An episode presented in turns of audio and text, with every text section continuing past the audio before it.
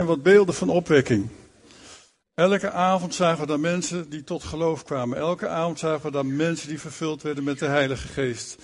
Elke avond zagen we mensen en jonge mensen veel die bevrijd werden. Sommige jonge mensen, de, ouders daarvan, waren toverdokters geweest in het occultisme. En ze waren daar dus ook zwaar mee besmet, om het maar zo te zeggen. Er gebeurde elke keer wat. Als er opwekking is, dan gaat God op een bijzondere wijze aan het werk. Ik wil jullie meenemen naar een aantal kenmerken van opwekking in Handelingen 19. En dat is ook in verband met de doop die wij vandaag hebben. We hebben vandaag veel mensen die tot geloof gekomen zijn en gedoopt willen worden. Dat hoort bij opwekking, lieve mensen. En dat hebben wij niet in de hand. Wij kunnen God ook niet naar onze hand zetten. Maar wel één ding zien we, dat als er opwekking gebeurt, dan komt dat heel veel vanuit de honger, vanuit de harten van mensen. En als wij naar opwekking verlangen, hier in Zutphen, dan moeten wij bidden en ook kijken in ons eigen hart naar honger en voorhonger voor het woord van God. Goed, dit is de derde zendingsreis van apostel Paulus, begonnen in Antiochië. Dat ligt bij zo'n beetje bij Syrië, wat we nu kennen, of Zuidoost Turkije nu ook. En hij trok dus door Turkije heen. In het midden van Turkije was Galatië, hè, waar ook de brief aan de, aan de Galatiërs werd geschreven. En dan trok hij door naar het westen van Turkije, waar um, Efeze, de stad Efeze, ligt. En daar kun je nu nog naartoe. Je kunt naar Efeze toe. Je kunt zien hoe Efeze eruit, uh, eruit ziet. En ze brachten daar in teams het evangelie van de Heer Jezus Christus. Zendingsreizen. Geweldig. Ik hoop dat je ook een keer die kans krijgt om zoiets te doen en te ondernemen. Voordat Paulus in Efeze was, was waarschijnlijk daar al een team geweest onder leiding van Apollos. En ze kwamen daar een groep gelovigen tegen. Die gelovigen waren gedoopt in de doop van Johannes. En de doop van Johannes was een doop van bekering. was ook een doop van, van, van ten eerste Joodse mensen die hun leven winden veranderen. De kinderen mogen, de, mogen weg, zie ik.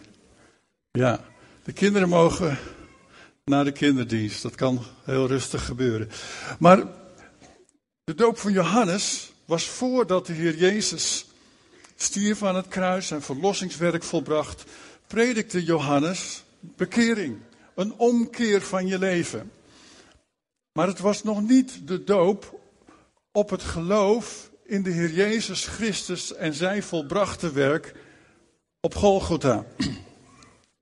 En dus Paulus kwam dus in Efeze en hij kwam deze gelovigen tegen die al uh, gehoord hadden van het evangelie. En hij vroeg aan hen in vers 1, hebben jullie de Heilige Geest ontvangen? Handelingen 19, vers 1. Toen jullie het geloof aanvaarden, hebben jullie toen de Heilige Geest ontvangen? En ze antwoorden, nee. We hebben zelfs niet gehoord van het bestaan van de Heilige Geest. Een kleine, klein foutje van die eerste groep zendelingen, dat ze vergeten hadden om de, het werk van de Geest ook te onderwijzen. We zien dat dat ook gebeurde in Samaria. Uh, toen Filippus de evangelist daar was, had ook dat een beetje laten liggen. En dan gaat hij verder, Paulus, en hij vraagt aan hem, maar hoe ben je dan gedoopt? Vers 3. Met de doop van Johannes, antwoordden ze. En daarop zei Paulus, Johannes doopte de mensen om hen een nieuw leven te laten beginnen. En zei tegen hen dat ze moesten geloven in degene die na hem kwam, in Jezus. En toen ze dat gehoord hadden, lieten ze zich dopen in de naam van de Heer Jezus. Nou, wij weten dat de Heer Jezus zelf, hij heeft ons geleerd, Matthäus 28, vers 19. En ga heen de hele wereld, maak alle volken tot mijn discipelen en doopt hen in de naam van de Vader, de Zoon en van de Heilige Geest.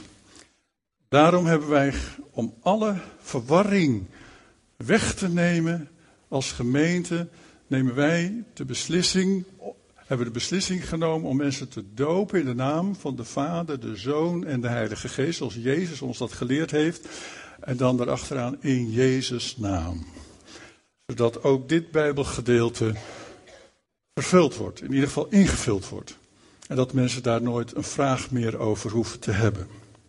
Zij werden dus nu pas eigenlijk bewust dat ze niet volgelingen van Johannes moesten worden, maar volgelingen van Jezus. En als je tot geloof komt in de Heer Jezus Christus, dan maak je eigenlijk een keuze om een volgeling te worden, een discipel van de Heer Jezus Christus. Om je geloof in Hem te stellen en ook Hem te volgen de rest van je leven.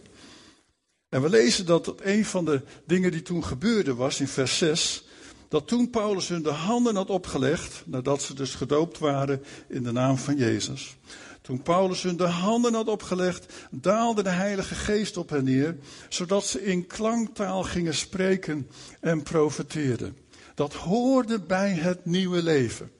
Niet alleen gedoopt worden en het oude leven begraven in het watergraf en opstaan in dat opstandingsleven van de Heer Jezus Christus, maar ook vervuld worden met de Heilige Geest, toegerust worden met de Heilige Geest en met de kracht van God. Wat we ook gebeden hebben, Heer vul ons meer van uw liefde en uw kracht door ons heen.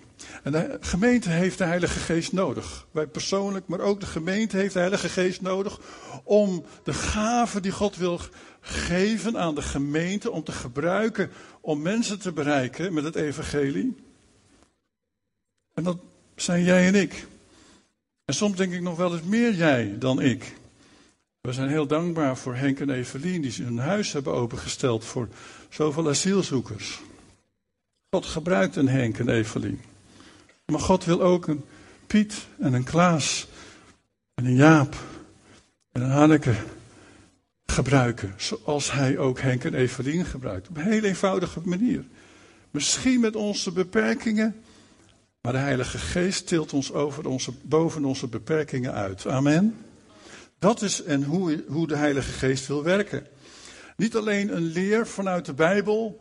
Niet alleen dat we erin geloven, maar ook de praktijken van. Dat we er ook in willen leven, daar ook gewoon mee bezig willen zijn in de gemeente. Tot opbouw van het koninkrijk van God.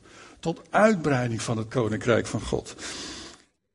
Nog een kenmerk van die opwekking was, er werd onderwezen. Er werd onderwezen. Paulus die bleef daar een aantal maanden en hij onderwees over het koninkrijk van God. Vers 8. Hij leerde en onderwees hem. Honger naar het woord van God, lieve mensen, is toch wel zo belangrijk. En ik hoop dat je ook je Bijbeltje echt leest thuis. En als je het lastig vindt, koop dan een Bijbel in gewone taal. Dat is nog makkelijker te begrijpen en te ontvangen. Maar lees de Bijbel. Kom om het woord van God te horen.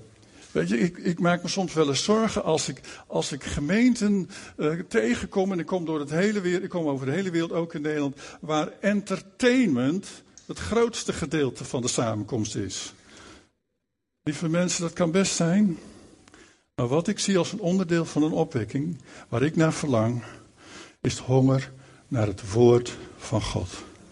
En laten wij dat nooit, nooit loslaten in de gemeente. En ik hoop dat je meer honger gaat krijgen naar het woord van God.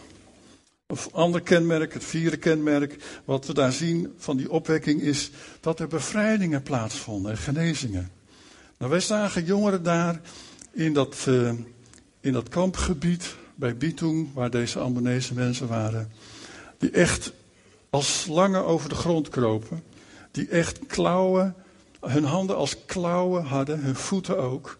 Zo bezet waren ze door demonische machten. Maar wat is het dan heerlijk. En ik was echt zo aangeraakt. Ik, mijn hart deed zo pijn. was zo verdrietig over wat de boze in staat is om te doen.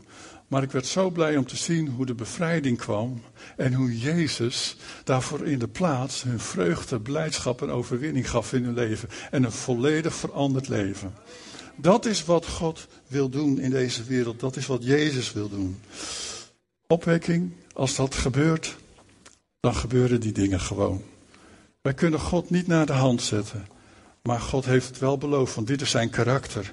Dus als we zijn aanwezigheid in ons leven zien, ontvangen, in de gemeente daar ruimte voor maken, in onze harten daar ruimte voor maken, dan mogen wij dat ook verwachten. Ander kenmerk van opwekking was vers 17. Zij werden vervuld van diep ontzag en prezen en eerden de naam van Jezus. Als er iets, een kenmerk is van opwekking in ons eigen leven, dan, dan zullen we dit ook ontdekken. Dat onze liefde voor Jezus, ons ontzag en ook um, ons, ons, onze lofprijs en onze eer voor Jezus gaat groeien. En dat we Hem de allerhoogste plaats gaan geven in ons leven. En ik hoop voor, ook voor de nieuwe dopelingen die we in hebben, dat je daarnaar verlangt. Dat je daar ook je hart voor openzet. Van Heer, u mag de allerhoogste een plaats in mijn leven hebben. Ik wil u volgen, ik wil u kennen, ik wil uw woord lief hebben, maar ik wil ook graag dat u de allerhoogste plaats krijgt. U wil ik eren in mijn leven. Vijfde of zesde kenmerk. Er kwam een diepere bekering onder hen. Een diepere bekering, vers 18 en 19. Vele nieuwe gelovigen kwamen in het openbaar hun verkeerde praktijken, hun praktijken opbiechten. Want er waren onder hen mensen die magie hadden, hadden bedreven. Als er opwekking ontstaat, dan zullen mensen hun zonde gaan beleiden. Dan komen ze gewoon naar voren rennen om hun zonde te beleiden. Bij het kruis en bij de voeten van het kruis te knielen en zeggen van Heer, ik ben fout. En ook hun praktijk daarin te leveren bij God. Hier staat ook dat ze zelfs hun boeken, hun verkeerde boeken, die zouden hun magische boeken, gingen verbranden voor een groot bedrag aan geldwaarde. Hebben ze gewoon verbrand. Omdat ze wisten dat houdt ons bij God vandaan. Publiekelijk verbranden ze dat, staat er. En wat is nog meer een kenteken van opwerking? Nummer 7, vers 10 en 20. Ik weet niet of dat beide erop kan, maar anders eerst vers 10. hij bleef daar twee jaar, uh, Paulus. En dan later vers 20 lezen we, zo zegevierde het woord van de Heer en het vond steeds meer gehoor. Als er opwekking begint, lieve mensen, dan gaat de gemeente zich uitbreiden. En er zullen er meer dopelingen zijn dan ooit. Waar begint opwekking? Waar begint opwekking?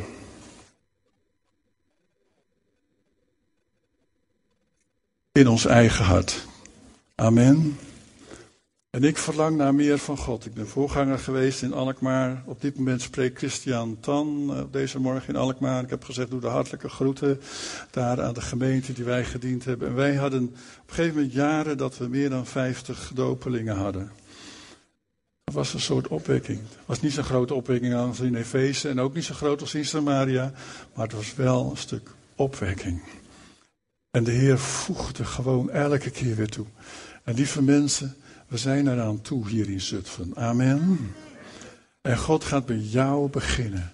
Meer van uw liefde en kracht door jou heen.